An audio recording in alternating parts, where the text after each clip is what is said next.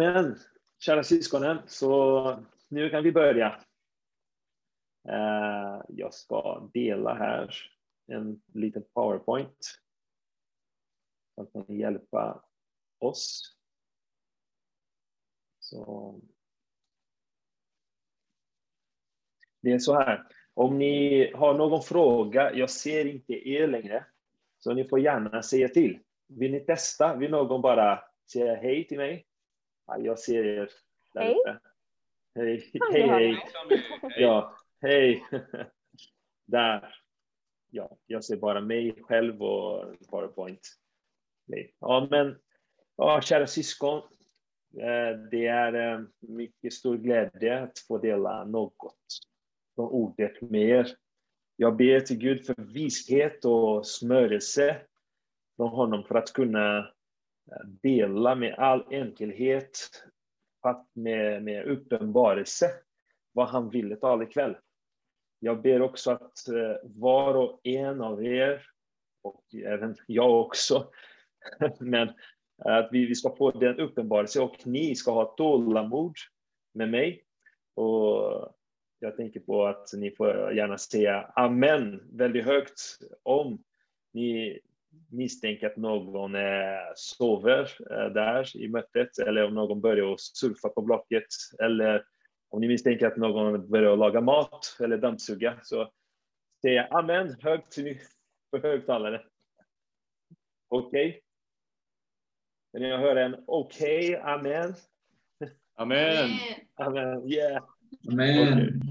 Man känner sig jätteensam här när man sitter och tittar på, på skärmen, men jag vet att ni är med mig och det är underbart.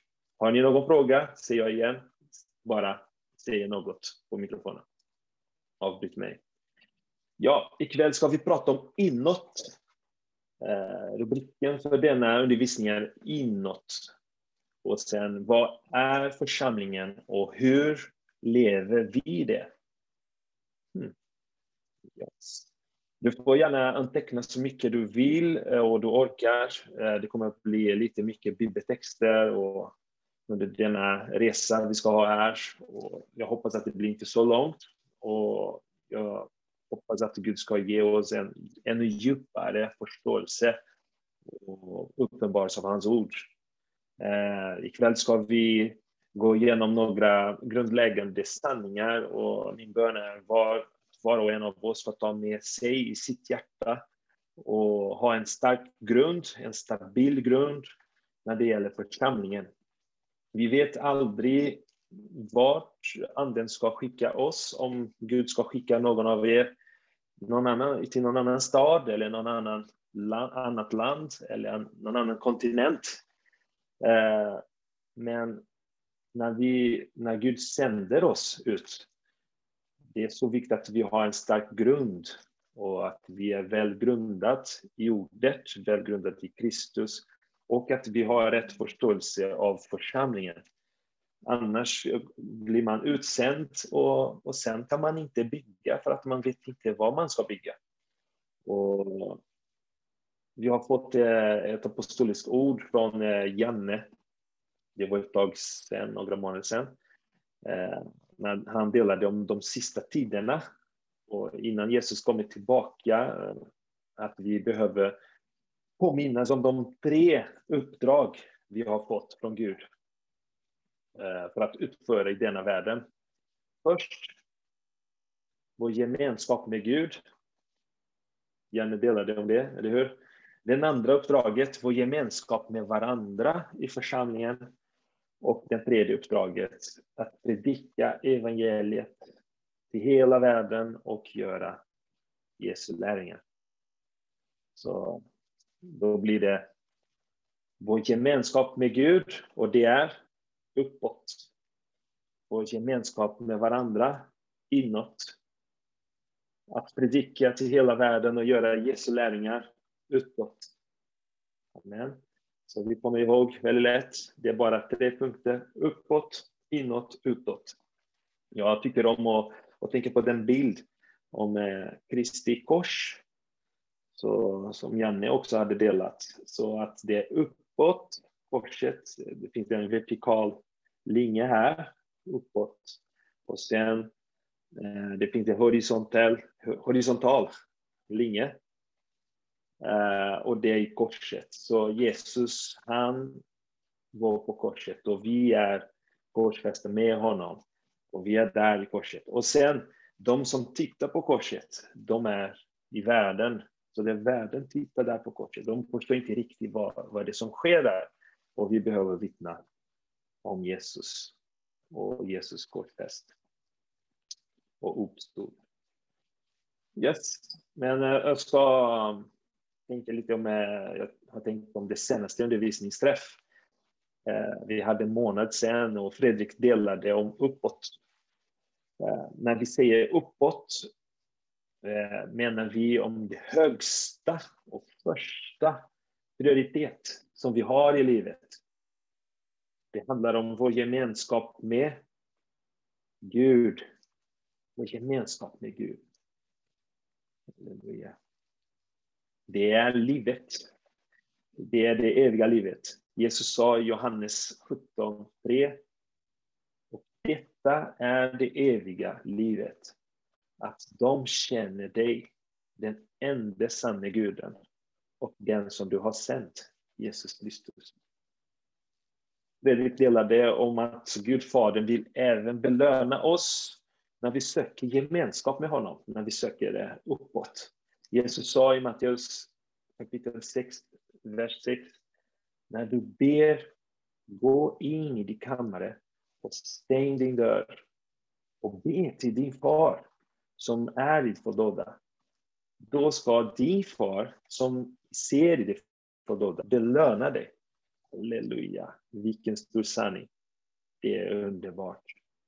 Det är det som världen tänker minst. Och, och vi kan bekänna att många gånger tänker vi, prioriterar vi minst. Det är när vi är i vår kammare, när vi är i vårt sovrum eller någon dold plats. Och där har vi 100% fokus i vår far, på vår far. Och där vill han belöna oss. Fredrik undervisade också om att ha gemenskap med Gud innebär också att bli fylld av den helige Ande. Eh, det är genom tro på Jesus Kristus som jag blir frälst och får det livet i Anden och gemenskap med Gud Fadern. I Romarbrevet 8.9 ser vi den härliga gemenskapen vi får med den helige Ande, med Gud Fader och med Kristus. Eh, där står det så här, ni däremot lever inte i köttet utan i anden eftersom Guds ande bor i er. Den som inte har Kristi ande tillhör inte honom. Det är intressant, eller hur? Att det finns hela treenigheten här i den versen här. Så anden står där, pneumos, och det, det handlar om den helige ande. Och sen när det står Guds ande, så det är Faderns ande. Och sen Kristi ande. Lite vidare där några verser efter i Romarbrevet 8, 15-17. Det står att vi, vi kan vi se en nyckel för vår identitet inför Gud. Så uppåt, det är där i den dimension vi får vår identitet. Det står så här, ni har inte fått slaveriets ande så att ni på nytt måste leva i fruktan. Nej, ni har fått barnaskapets ande och i honom ropar vi Abba, far, pappa. Anden själv vittnar med vår ande att vi är Guds barn. Och är vi barn så är vi också arvingar. Guds arvingar och Kristi medarvingar. Lika visst som vi lider med honom för att också förhärligas med honom. Allt börjar med uppåt. Allt börjar med vem han är och sen med vem vi blev genom Kristus. Vi blev Guds barn. Underbart. Han är vår far och vi ger oss eh, eh, han ger oss en ännu mer stabil identitet i honom. Jag ber att ikväll Gud ska påminna oss, att han ska fräscha de här sanningarna, att vi är Guds barn. Att genom Kristus blev vi Guds barn. Låt oss be innan vi fortsätter här. Halleluja. Tack, käre pappa, att du kallar oss dina barn. Tack för att du kallar oss, kallar oss till det viktigaste, det högsta. Uppåt, den gemenskap med dig. Tack för att Jesus har visat oss vägen. Tack för att Jesus har gett oss ett exempel hur vi ska leva i den här dimensionen uppåt. Tack kära Jesus. Amen. Men nu går vi till ämnet inåt. Jag ska dela ämnet i två delar. Så det första är vad är församlingen? Och sen den andra, och hur lever vi det? Men första delen här, vad är församlingen? Jag tycker att innan vi går till hur vi lever det, behöver vi förstå, men okej, okay, men hur ska vi leva församlingen? Vi behöver först veta vad församlingen är. Vad har Gud sagt om sin församling?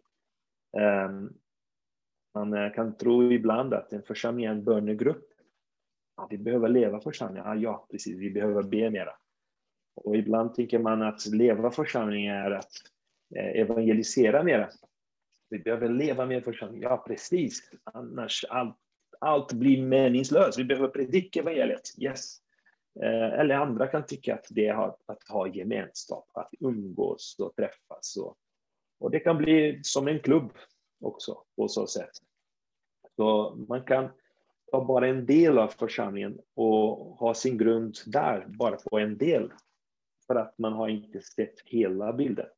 Eller man har inte en hel förståelse. Som, jag, jag tror att förståelsen om församlingen är enkel, så Jesus har gjort det på ett enkelt sätt så alla kan förstå. Men det är samtidigt djupt. Vi behöver gå djupare i Guds ord och leva mer och mer och mer. Så jag tänker på lärjungarna. Gud har kallat tolv lärjungar som några av dem var väldigt enkla och alla de var inte kallade för att vara fariséer. Eh, de var inte så här Eh, de bästa elever i sina skolor. Men Jesus visade dem vad församlingen var. Så med all enkelhet visade Jesus församlingen där. Och betyder inte att de var helt färdiga när Jesus eh, gick till himlen.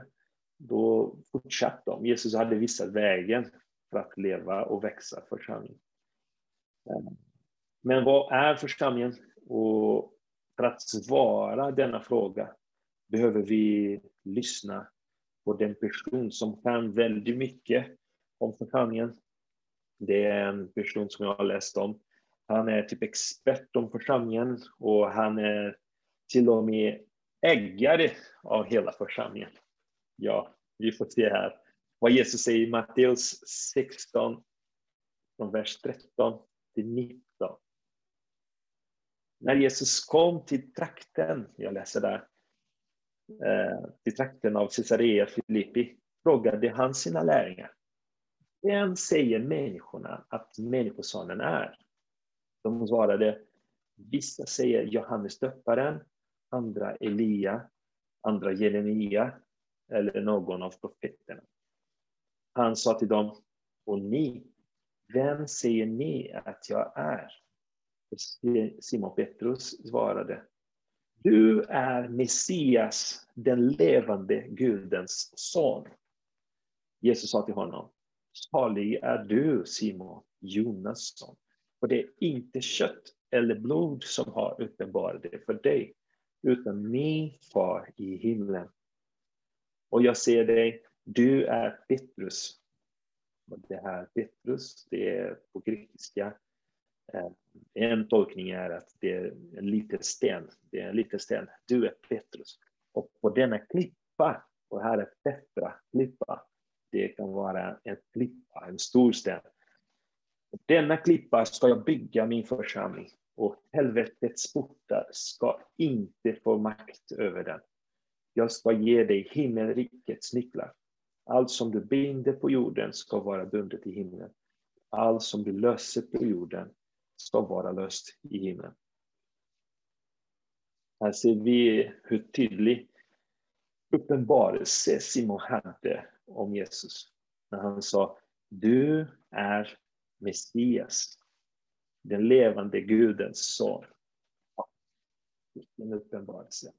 För oss det är så här, ja men hallå, självklart, jag vet, jag vet vem Jesus är. Men den tid, det var exakt så som Jesus sa. Det var inte kött eller blod som gav Petrus det här uppenbarelsen, men det var Faderns ande som gav det. Är det någon som vill ställa någon fråga?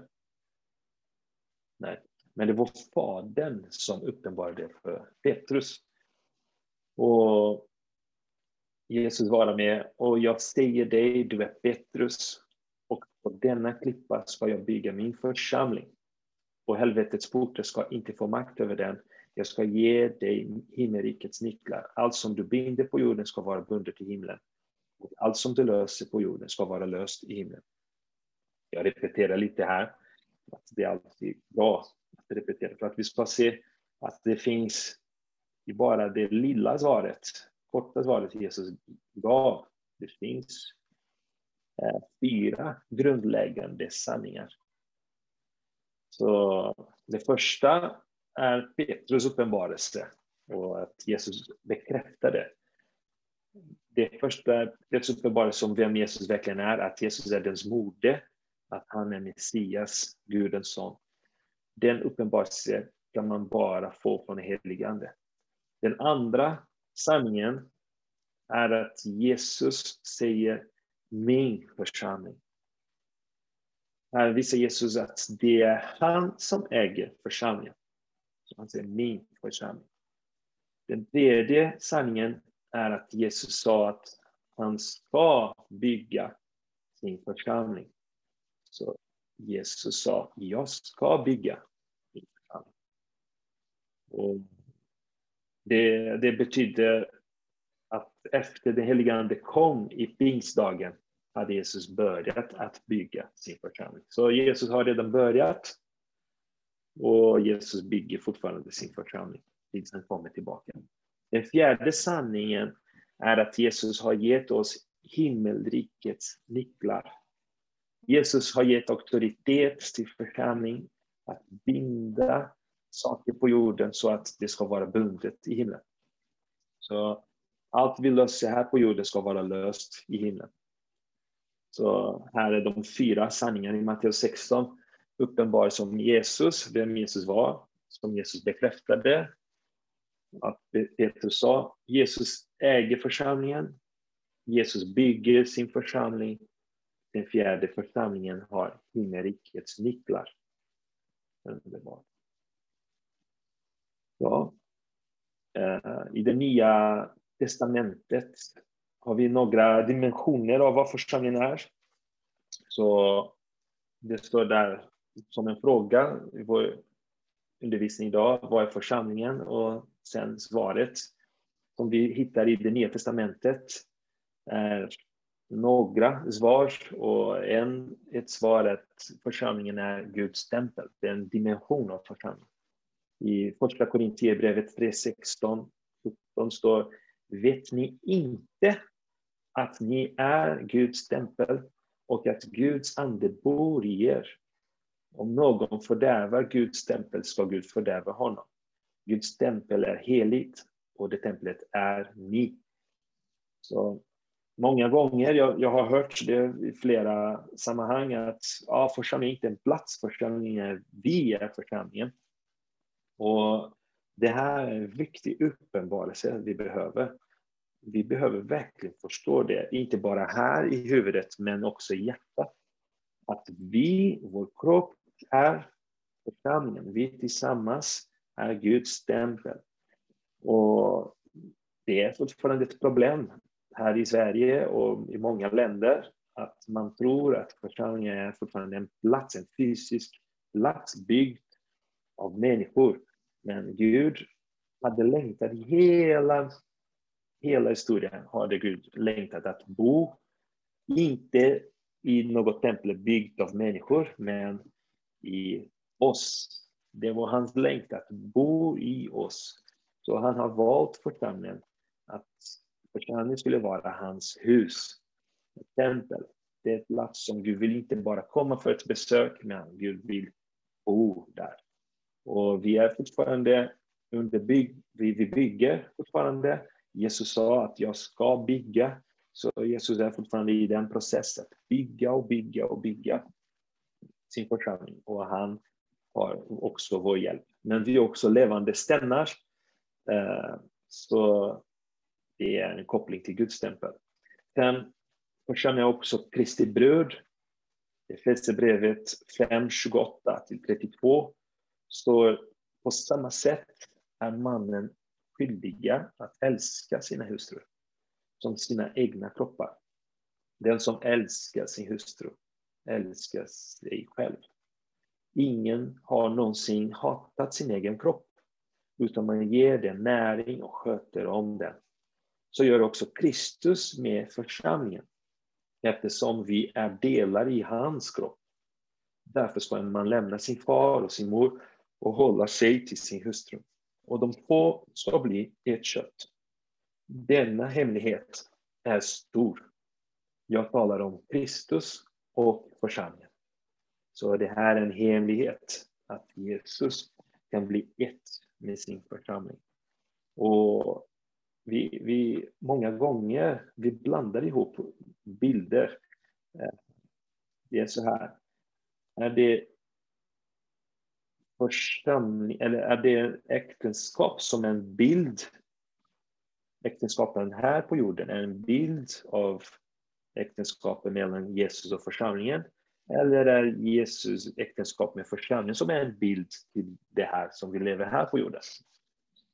Och det är så att äktenskapet här på jorden, jag med Anne, min fru, det här är en skugga av det som kommer att stå för evigt. Det här är en skugga, det här är en bild av det som det kommer att bli när församlingen blir gift med Jesus. Och när vi säger att det är Kristi brud, det är aldrig någon person. Det står ingenstans att det är någon person och det skulle vara en hemsk grej. Men det står om vi, församlingen. Så eh, vi kan eh, kolla där i, i Uppenbarelseboken, jag har inte det nu. Men när det står i det nya Jerusalem, eh, Uppenbarelseboken 21, och det står att den är staden och det ska bli mycket som en brud. Och eh, där talar mycket om församlingen. Så det, är en, det är en plats, en andlig plats, men det är också eh, en bild av församlingen. Så vi, vi eh, tillsammans är Kristi brud. Och vi är ett nu i anden.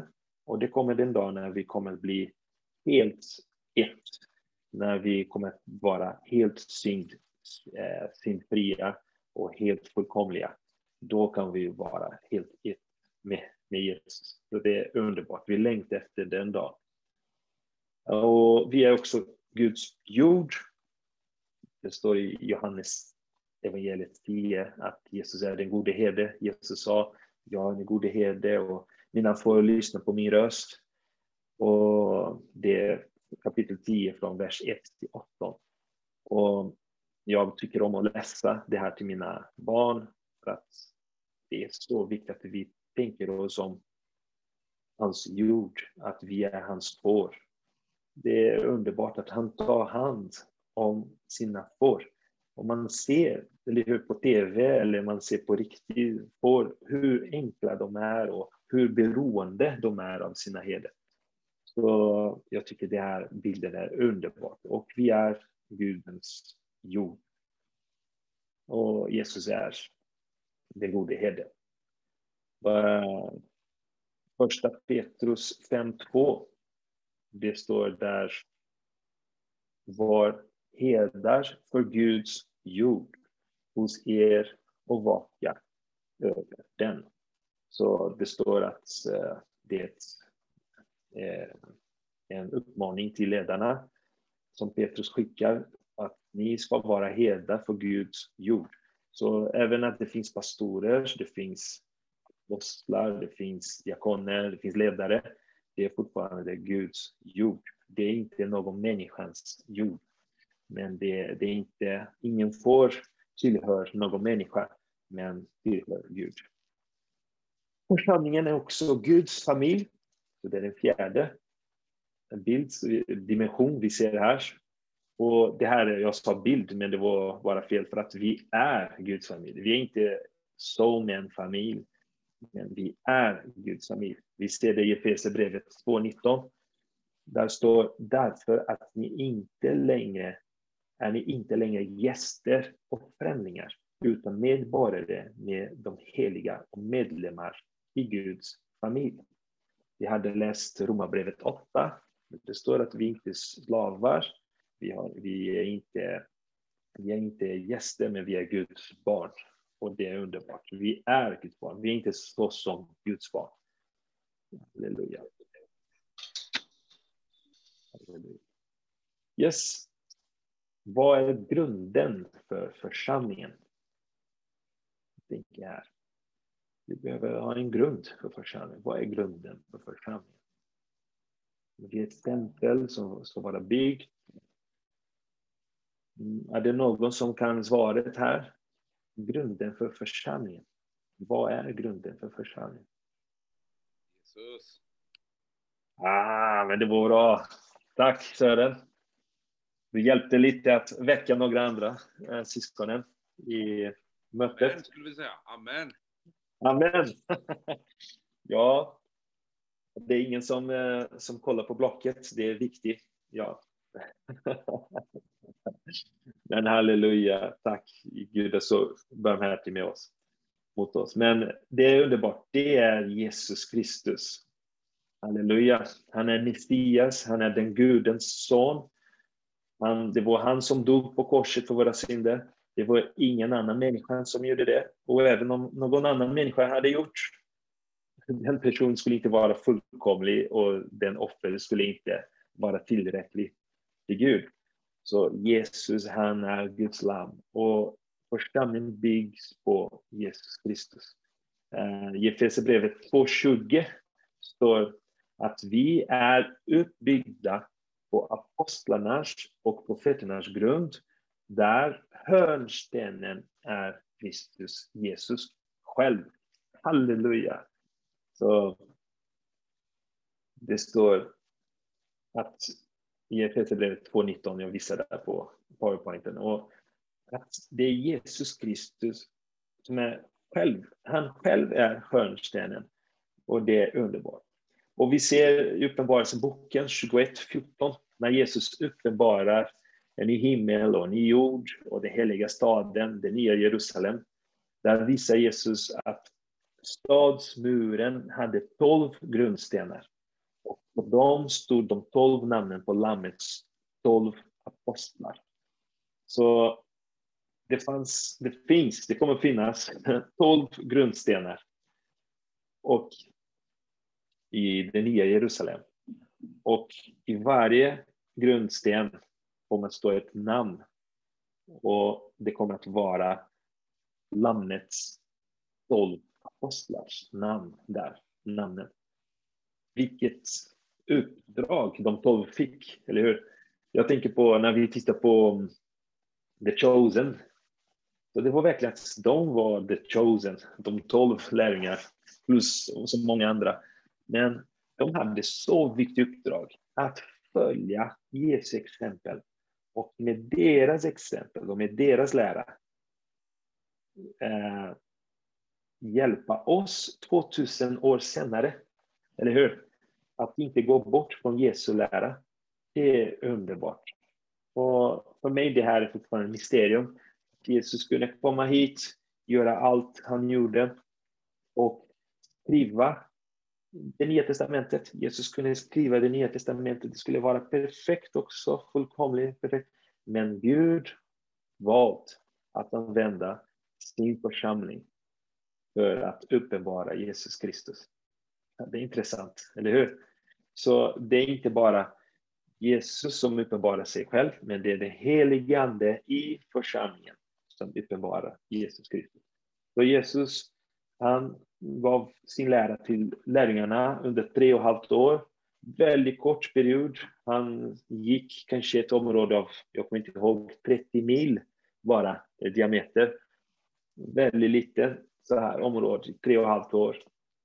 Och botade så många, gjorde så mycket. Han hade så extremt intensiv rutin under de tre och ett halvt år.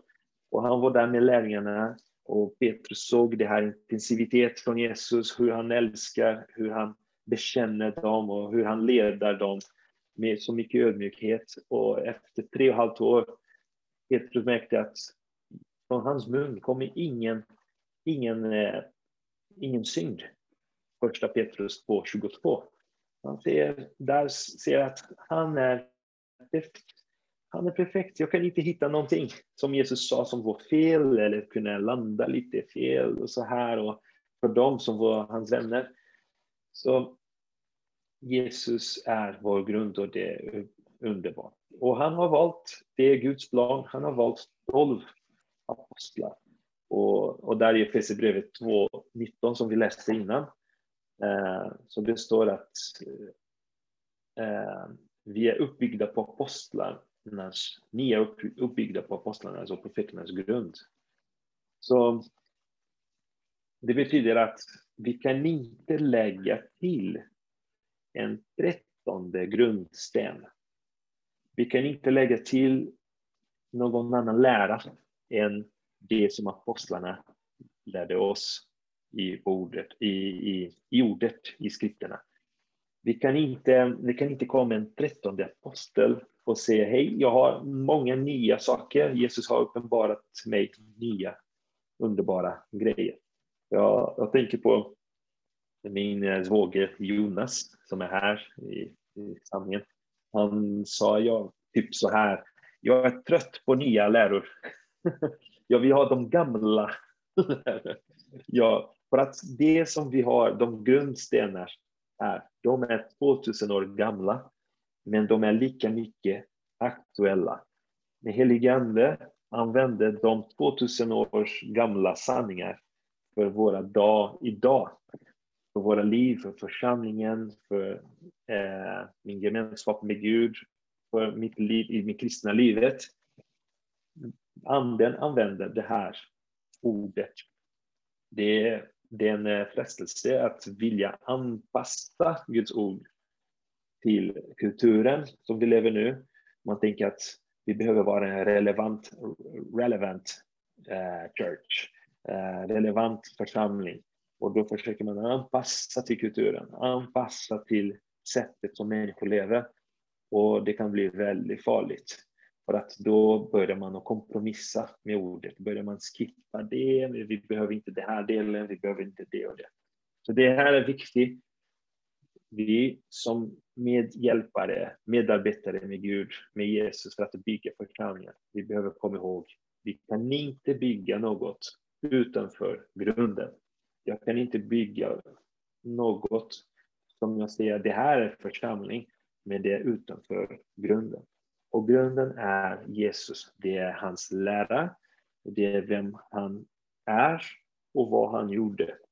Så det är hans eh, undervisning, vem Jesus är, uppenbarelse om honom och hans verk. Det här behöver vi bygga på. Amen. Jag, jag mot eh, slutet här av den första delen. Men eh, jag tycker mycket om det här bibeltext som är så stark sanning. Att Paulus säger till Timoteus i första Timoteus 3.15. Han säger, men om jag dröjer vill jag att du ska veta hur man bör bete sig i Guds hus, som är den levande Gudens församling, sanningens pelare och grundval. Om vi ser i församlingens historia hur, Bibel, hur det nya testamentet blev kanon, blev, eh, hur säger man, eh, kanon, ja, blev kanon. Underbart. Men hur det här blev bibel, hur, hur de bestämde sig. Så vi ser Guds nåd, vishet, barmhärtighet med församlingen. Det var den helige Ande som led församlingen till det här hållet. Att ta rätta beslut, att ta de rätta breven. De som var apostlar eh, hade de, eh, vi har ju Nya Testamentet, eller de som var väldigt nära Jesus. Eh, så, och där har vi skrifterna och vi kan inte lägga till något mer. Och på den tid när Paulus var med eh, och skickade det här brevet till Timoteus. Timoteus, jag vet inte hur gammal han var, kanske 17. Eh, de vet bara att mellan första Timoteusbrevet och det andra var ungefär sju år mellan de två breven. Eh, så om han var 17 här, han kanske var 24 när han fick det andra brevet. Och vi ser att det är mycket mognare brev, det andra Timoteus. Men här, det första brevet, han säger glöm inte vad vi har lärt dig. Typ, om jag dröjer, fortsätt på det du har fått. Om någon kommer med nya läror, konstiga läror, ta inte emot dem. Ta inte emot. Eh, behålla, håll, du ska hålla det här, eh, det du har fått. Och när han säger att församlingen först är Guds hus och sen säger Paulus här att det är den levande Gudens församling, så det tillhör Gud. Församlingen tillhör Gud, tillhör ingen människa och ingen grupp. Och sen att sanningen, församlingens sanningens spelare och grundval. Och det här för mig, sanningens spelare, för mig är ett beslut Gud hade. Gud bestämt att sanningen han ska lägga sin sanning, han ska förvara sin sanning i församlingen på denna jorden. Så jag tänker lite på en bild som att församlingen är kassaskåpet för sanningen i denna världen. När Jesus säger att vi är jordens salt och vi är världens ljus, så det betyder att vi är det goda sida här i denna världen. Denna världen är korrupt. Denna världen följer inte Jesus lära. Man kan följa delvis vissa saker, man kan ha lite moral, man kan älska andra, man kan eh, hedra och respektera och följa några principer. Men om, om man inte lever församlingen, lever man i mörkret och lever man i, i, i lögnen. Och, och Gud har bestämt, vi får tänka som ett kassaskåp, hela min sanning ska finnas där. Jag ska förvara där i församlingen, i mitt tempel, i mitt hus. Det här är säker plats. Jag ska förvara där. Och Gud har gjort det sedan Jesus hade gått härifrån. Så Gud har lämnat Jesu lära och hela skriften i församlingen så att församlingen kan förvara sanningen. Och därför blir väldigt skeptisk om någon kommer med helt ny uppenbarelse. Om någon kommer med ah, det är någonting som jag har aldrig förstått och jag tror att församlingen har aldrig förstått detta. Om någon säger det till dig, mm men det är inte församlingen som är sanningens pelare, och grundval? Så hur kan en individ, en person, ha mer uppenbarelse än hela församlingen under 2000 år? Och det är, det är farligt. När man tänker så, det kan komma stolthet när man tänker så att jag har fått en uppenbarelse som ingen annan har fått innan. Eh, för att då kommer stolthet och man minskar eh, det heligande i andras liv. Att det heligande, det, det heligande som ger uppenbarelse, varför har det heligande gett var till mig? Så det här är viktigt att vi alla har med i sitt hjärta att församlingen är sanningens spelare och grundval. Och jag tänker på bara en sista sak. När någon vill kritisera församlingen, att man också ska vara väldigt försiktig. För att om man kritiserar församlingen, kritiserar man Guds församling, Gudens församling.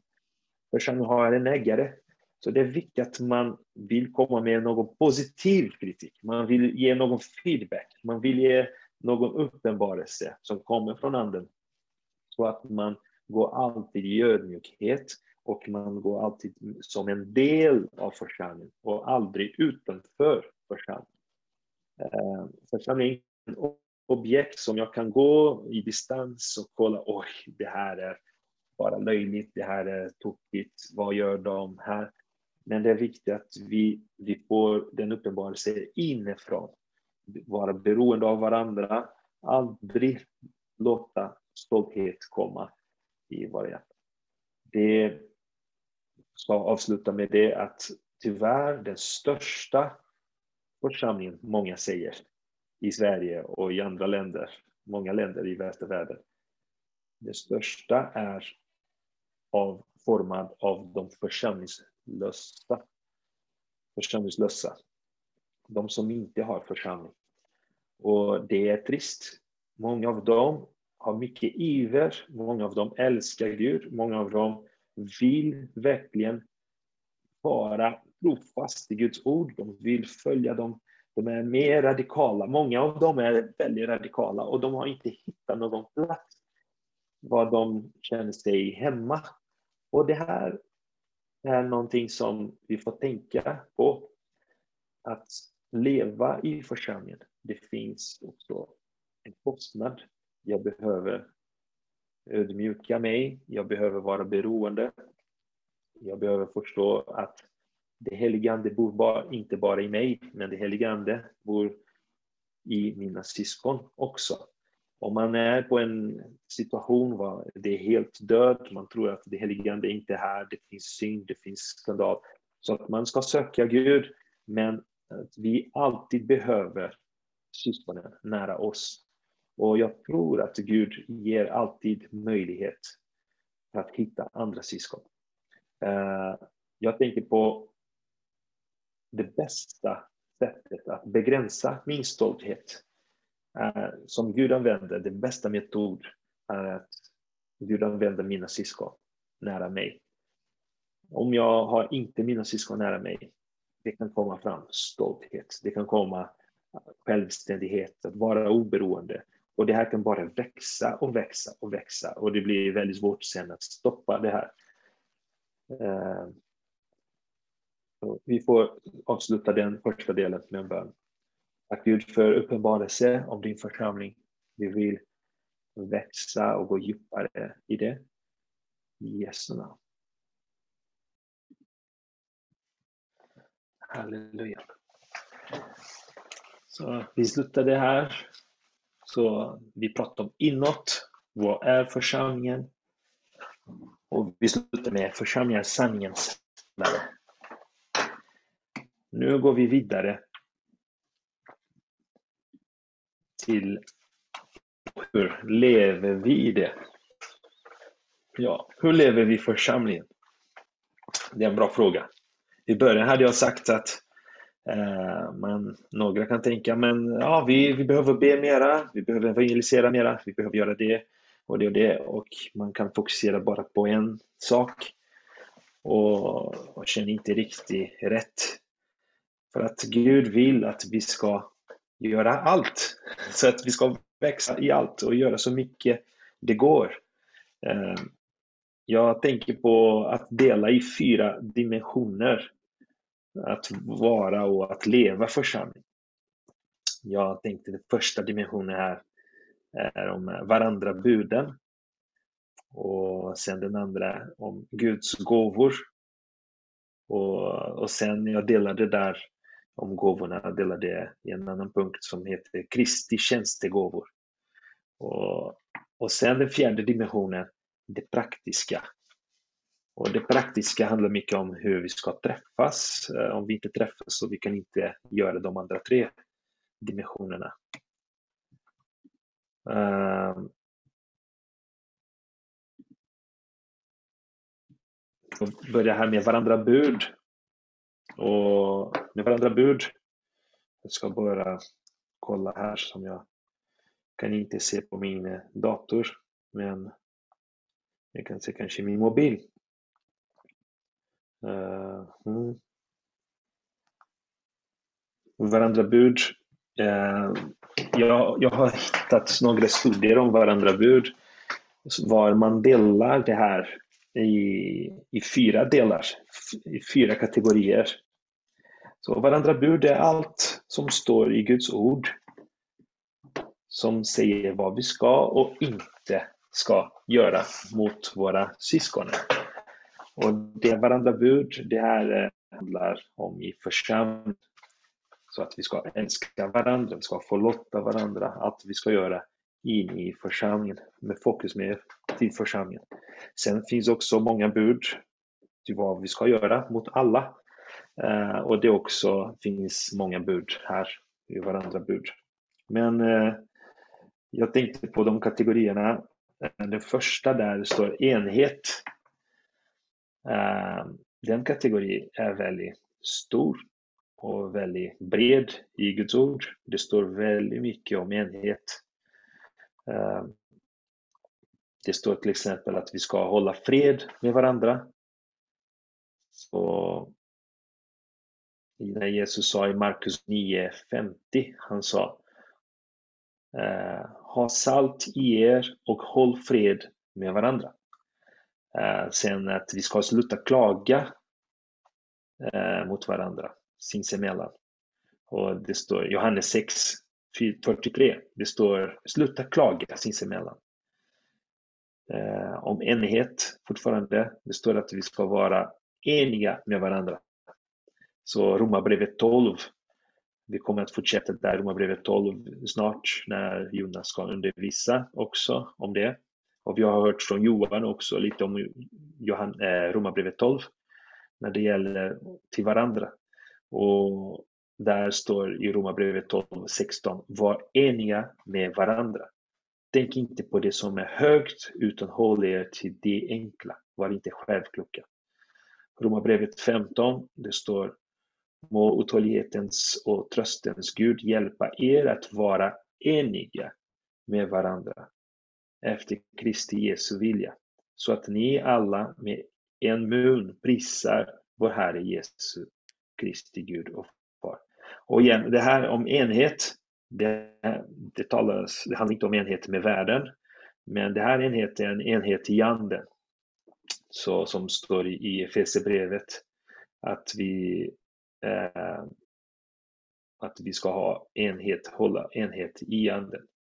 Och, och sen det står många, jag har många bibelverser här som är underbara eh, om eh, varandra bud. Jag vill gärna skicka till er så skickar där en dokument bara om varandra bud.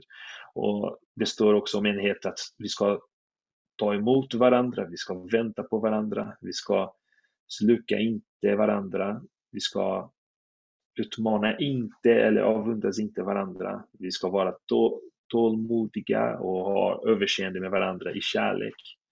Att vi ska istället eh, vara goda och barmhärtiga mot varandra och förlåta varandra.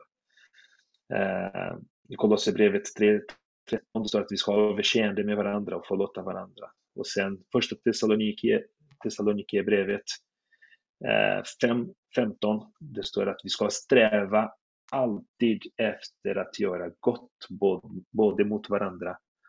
Böna inte ont med ont. Eh, och vi ska inte förtala förtala inte varandra. Eh, Jakobs brev 4.11. Förtala inte varandra bröder. Så jag citerar många bibelverser här, men det är jätte så här rikedom i det nya testamentet om varandra bud. Det är underbart. Man kan gå så djupt där och se, oj, jag behöver växa.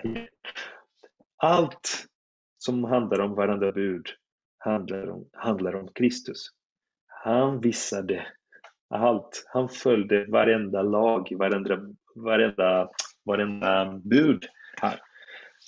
Och det står sen eh, det här eh, om enhet och Jakobs brev det står bekänn era synder för varandra. Och, och sen punkt kategori två. Yes. Jag hör, ah, är det kanske Pelles mobil? Nej. Jag hörde någon som var på mikrofon. Eh, och sen kategori två, kärlek. Så att vi såklart ska älska varandra. Och Johannes 13.34, när Jesus säger ett nytt bud ger jag er. Det är intressant.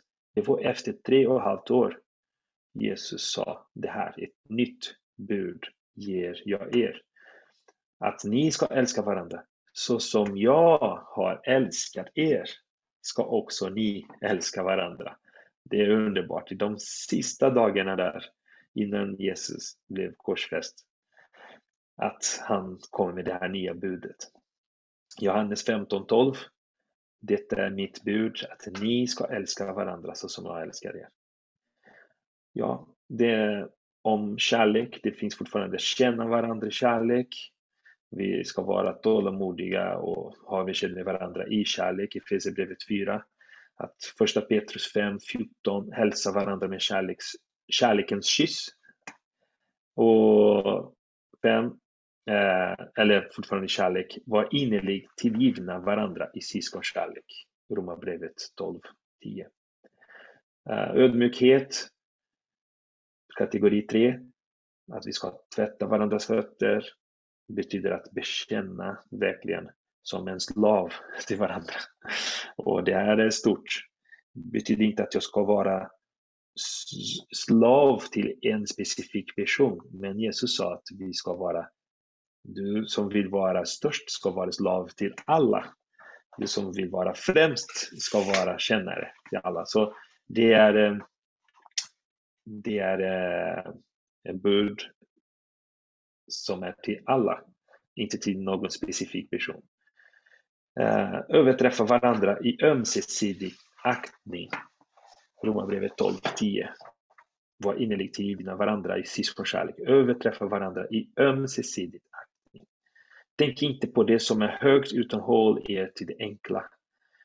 Känna varandra igen och det finns massor. Sen finns de övriga, så jag går till slutet här av varandra bud. Övriga, det är, jag har hittat 12 här. Eh, de, eh, inte, hälsa, eh, att vi ska be för varandra, att vi ska lära varandra. Vi ska, ja, det finns många andra olika bud, uppmuntra varandra.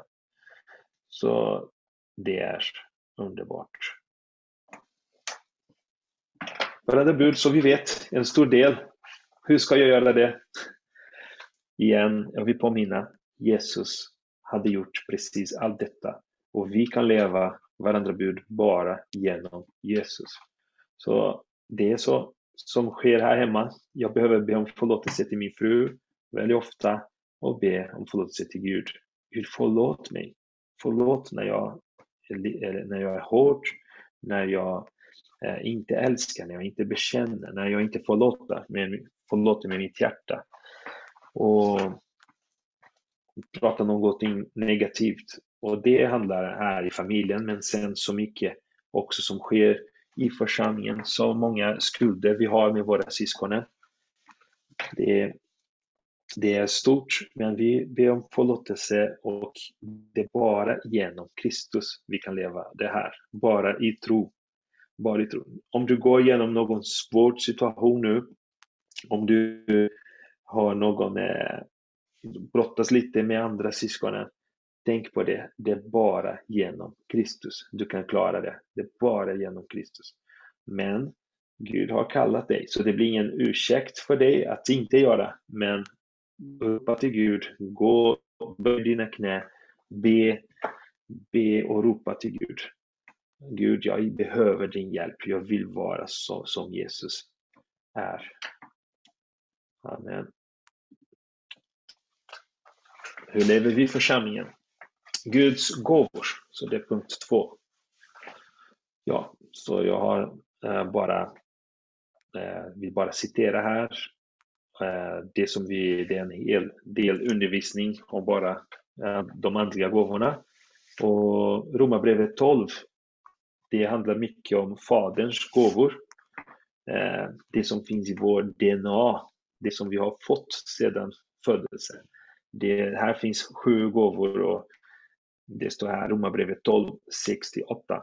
Vi har olika gåvor efter den nåd vi har fått. Att profetera i överensstämmelse med tro. Att känna i vår uppgift. Att undervisa i läran. Att förmana med uppmuntran och tröst. Och dela ut gåvor utan baktankar.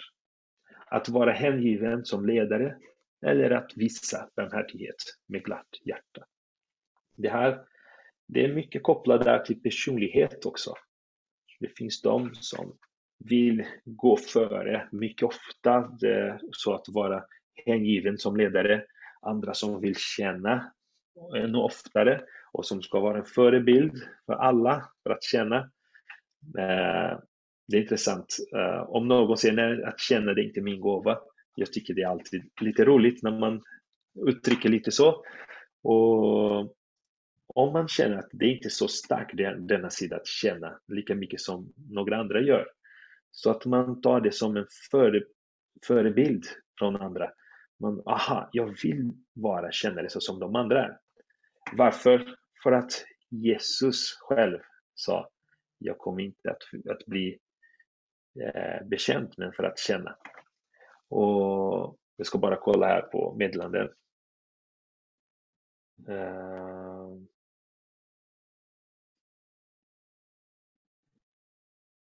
ah, ja, Magnus skickade en lista.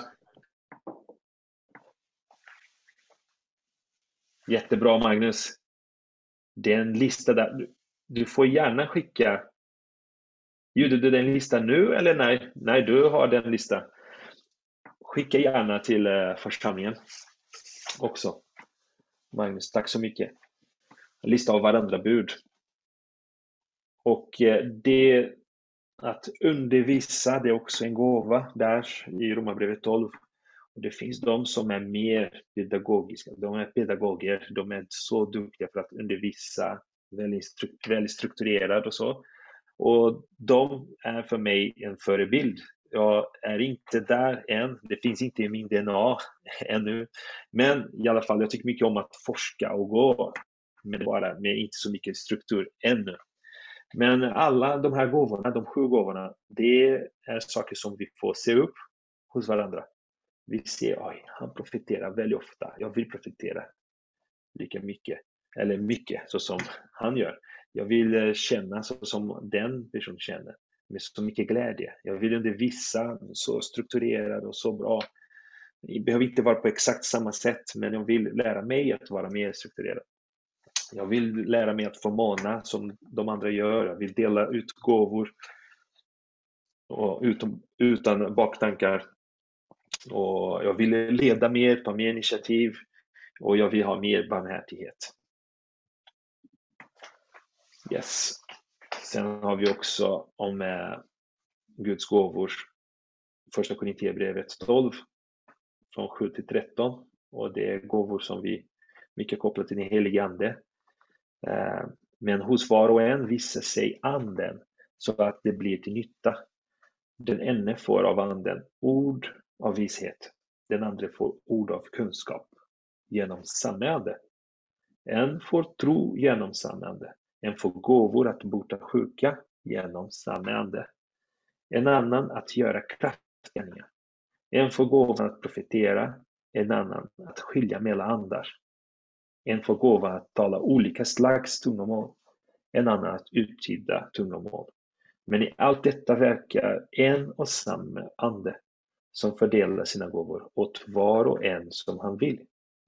Kroppen är en och har många delar men trots att kroppens alla delar är många utgör de en kropp. Så är det också med Kristus. I en och samma ande är vi alla döpta för att höra till en och samma kropp. Vare sig vi är judar eller greker, slavar eller fria. Och vi har alla fått en och samma ande utgjuten över oss. Halleluja. Så vilka stora gåvor har vi fått genom det helige Ande. Det är underbart. Halleluja. Sen har vi här bara en liten bibelvers, i Efesierbrevet 4.11. Och det är Det står så här. Och han gav några till apostlar, andra till profeter, andra till evangelister och andra till herdar och lärare för att utrusta de heliga till att fullgöra sin tjänst att bygga upp Kristi kropp.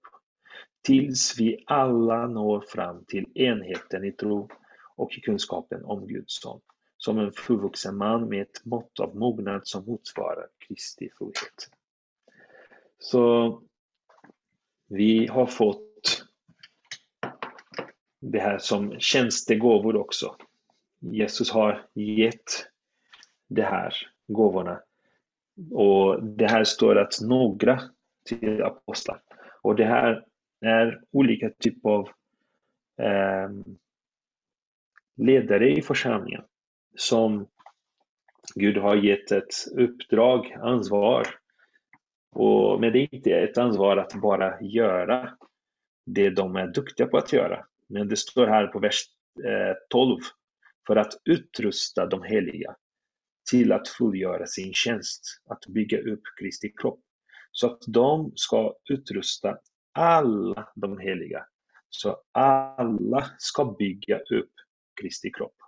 Så Guds verk i församlingen är inte en människans verk.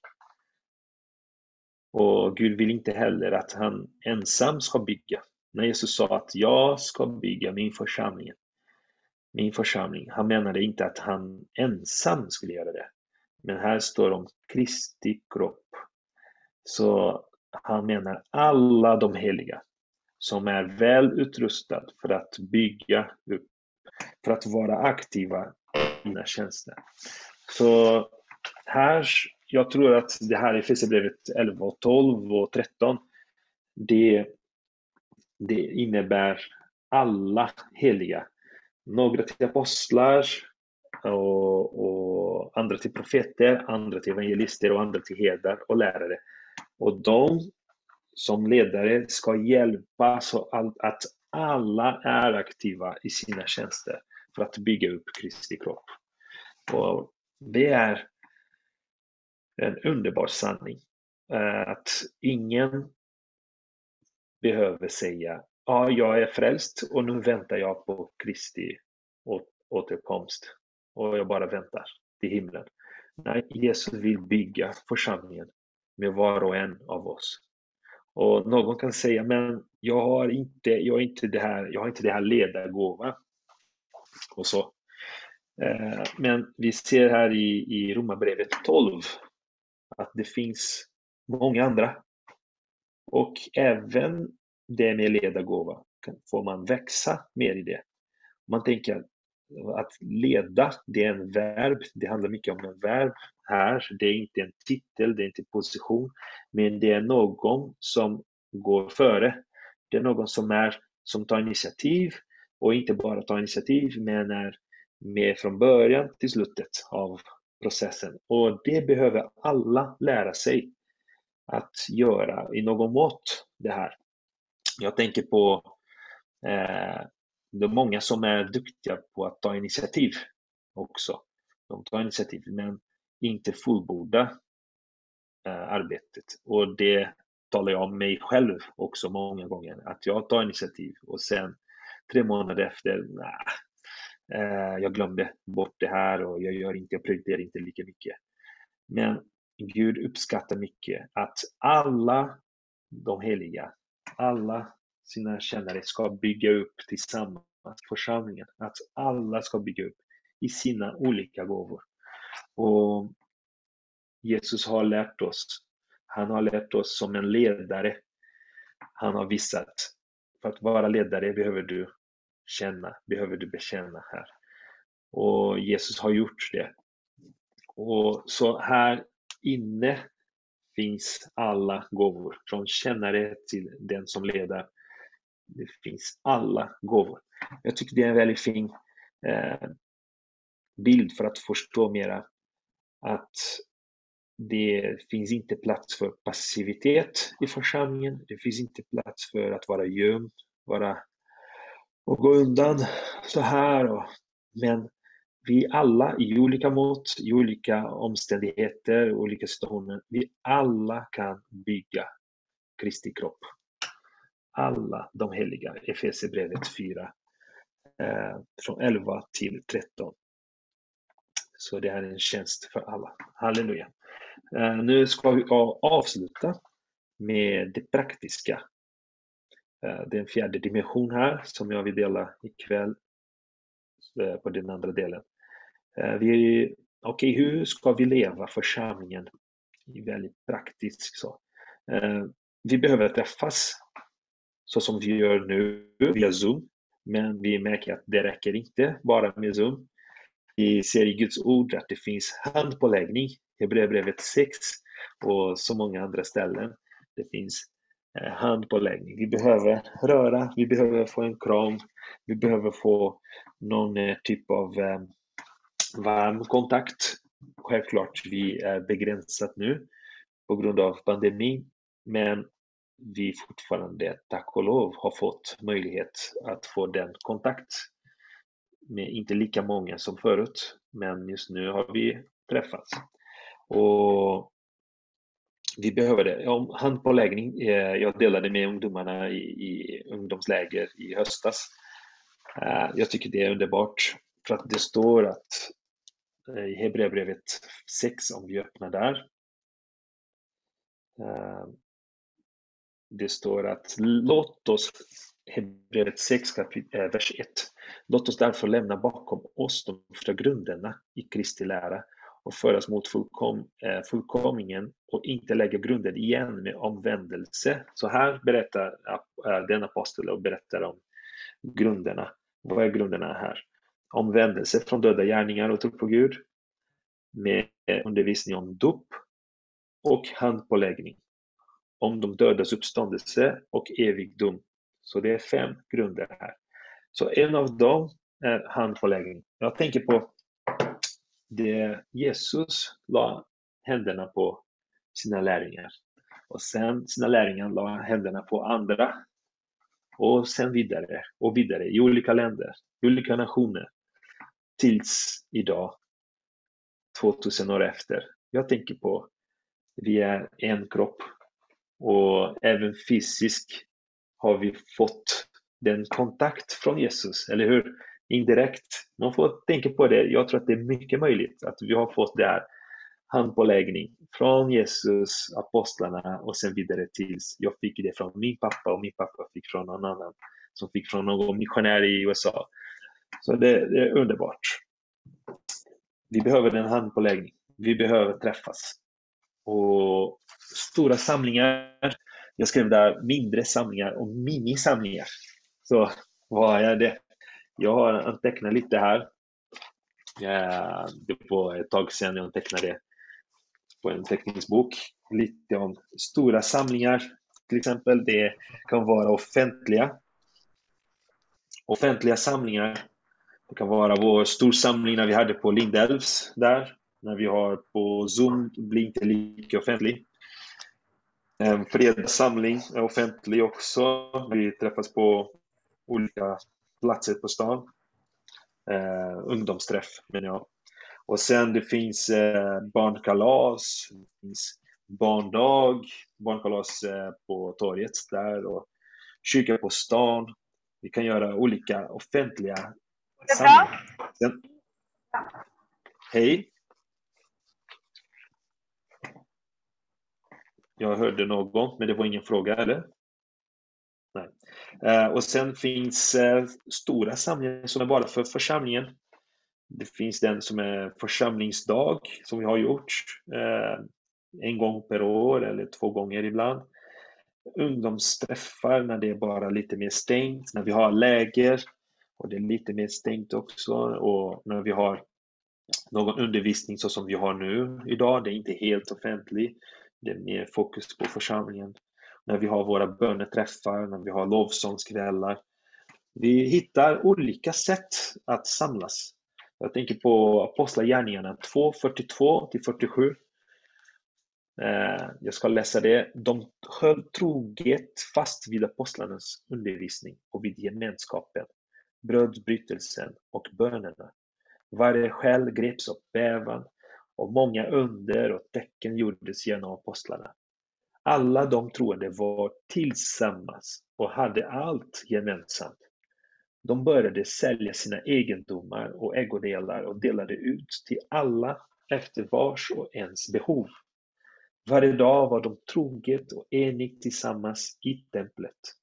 Varje dag var de troget och enigt tillsammans i templet och i hemmen bröt de bröd och delade måltid med varandra i jublande innerlig glädje. Yes. De prisade Gud och var omtyckta av hela folket och Herren ökade var dag skaran med dem som blev frälsta. Så det här om de träffades i templet varje dag, det var en offentlig plats och det var faktiskt eh, utanför, eh, det var typ på torget man kan se när det står här i templet i Jerusalem. Så det var typ på torget. Kan, kan vi tänka oss att träffas varje dag i Kungsbacka torg och kanske äta på tullen där. Ja, det är en bra orsak att äta där. Men att träffas och kanske sitta på stolarna och be och prisa Gud. Och sen, det står också på vers 46 att de eh, i hemmen bröt de bröd och delade måltid med varandra. Så det var mycket det här av husförsamlingar också. Träffet i huset. Så det var en familj, två familjer, tre familjer och det var eh, kanske många spontana träffar också och andra mer eh, eh, bokat och, och planerat träffar. Och sen, eh, jag jag ser att eh, det är mindre samlingar där som jag skriver, så det är det om husförsamlingar. Ehm, det är också de spontana träffar. Det är när vi träffas typ eh, 15, 10 mindre. Så här, nu för tiden har vi träffats mycket i det här konstellationen konstellation i mindre samlingar. Men det är så viktigt. Det är viktigt också att vi förstår mer av vad är husförsamlingen. Jag ska inte ta det nu för att det kan bli väldigt långt. Men att förstå att vi behöver ha en bra frekvens för att träffas som husförsamling. För att lära känna varandra. För att verkligen kunna komma med någon input vi, behöver vi lära känna varandra. Vi behöver dela mer av livet tillsammans. Och det är viktigt att vi ändrar det här konceptet av en samling. Eh, för att jag skriver här stora, mindre samlingar, minisamlingar. När vi samlas, det är det jag menar. Jag menar inte om någon, bara en struktur, eh, ett sätt att träffas. Men vi behöver hitta flera sätt och när det handlar om husförsamlingar, vi behöver tänka mer 24-7. Eh, vi behöver tänka mer att det handlar inte bara om den träffen vi har en gång i veckan eller varannan vecka. Men jag tänker att eh, när jag, jag har varit med Eh, förut med Fredrik och Deborah och Eitor och Manne, Elias och Natte. Men nu är jag med, med Magnus, Anna och eh, Eitor och Selja. Och vi behöver tänka lite mer att eh, komma med bönämne på WhatsApp eller på Telegram nu har vi ändrat. Men komma med något bönämne, något dags, dagssägelse, ringa varandra, träffas att vi får fortsätta att upptäcka mer det här eh, vardagen tillsammans. Och sen minisamlingar, eh, där skriver jag minisamlingar, det är kompanjonskap, lärjungaskap, eh, när vi träffas och vi träffas för att be, för att ta en promenad. Jag ser att nu på den tid kan vi investera väldigt mycket i de två sista där och be att vi ska få bättre möjligheter att få stora samlingar också. Men att vi ska växa i bön, vi ska växa i ordet i de här dagarna. Det är en börda som vi har. Amen. Mina kära syskon, det är uh, färdigt här, men vi får avsluta det här undervisningsdelen. Amen. Yes bara säga, Sami. jag yeah. tänkte, eh, du skrev fjärde rubriken Det praktiska. Men mm. egentligen är det allt det andra som du har sagt är ju allt som du har talat är ju på ett praktiskt sätt. Mm, mm, att mm. varandras Amen. bud och i Guds gåvor, att vi varandra med Kristi tjänstgåvor. Så Amen. alla de här är Amen. på ett praktiskt sätt. Amen. Så Amen. kanske eh, en bättre rubrik kanske skulle vara hur vi träffas eller hur vi Ja, samlas. amen. Amen. Så jag Amen. att allt är på ett Amen. praktiskt sätt som du har undervisat. Amen. Amen. Och, Det är sant. Det är sant. och mindre samlingar, minisamlingar, det kanske är 24-7. På olika sätt. Precis. Ja. Precis. Och det Precis. Ja. Och det är i hemmet, eh, till exempel, det är mindre samlingar och minisamlingar hela tiden. När jag och min fru och jag och mina barn och några andra som kommer till hemmet. Amen.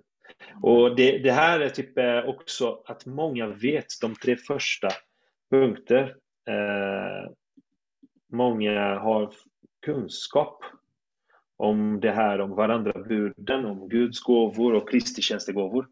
Men eh, jag tänkte också på det att de eh, jag tänkte på de församlingslösa och, och de som söker efter något nytt och söka efter sitt hem, någon församling som kan kallas hem.